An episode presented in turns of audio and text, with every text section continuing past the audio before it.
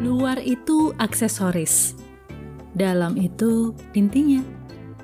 Aksesoris bisa membuat lebih indah, namun yang terutama adalah intinya.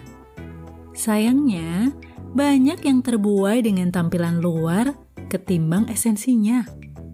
Aksesoris tidak sepenuhnya salah, namun itu bisa digunakan sebagai topeng bagi para pecundang agar terlihat baik, menutup kebusukan.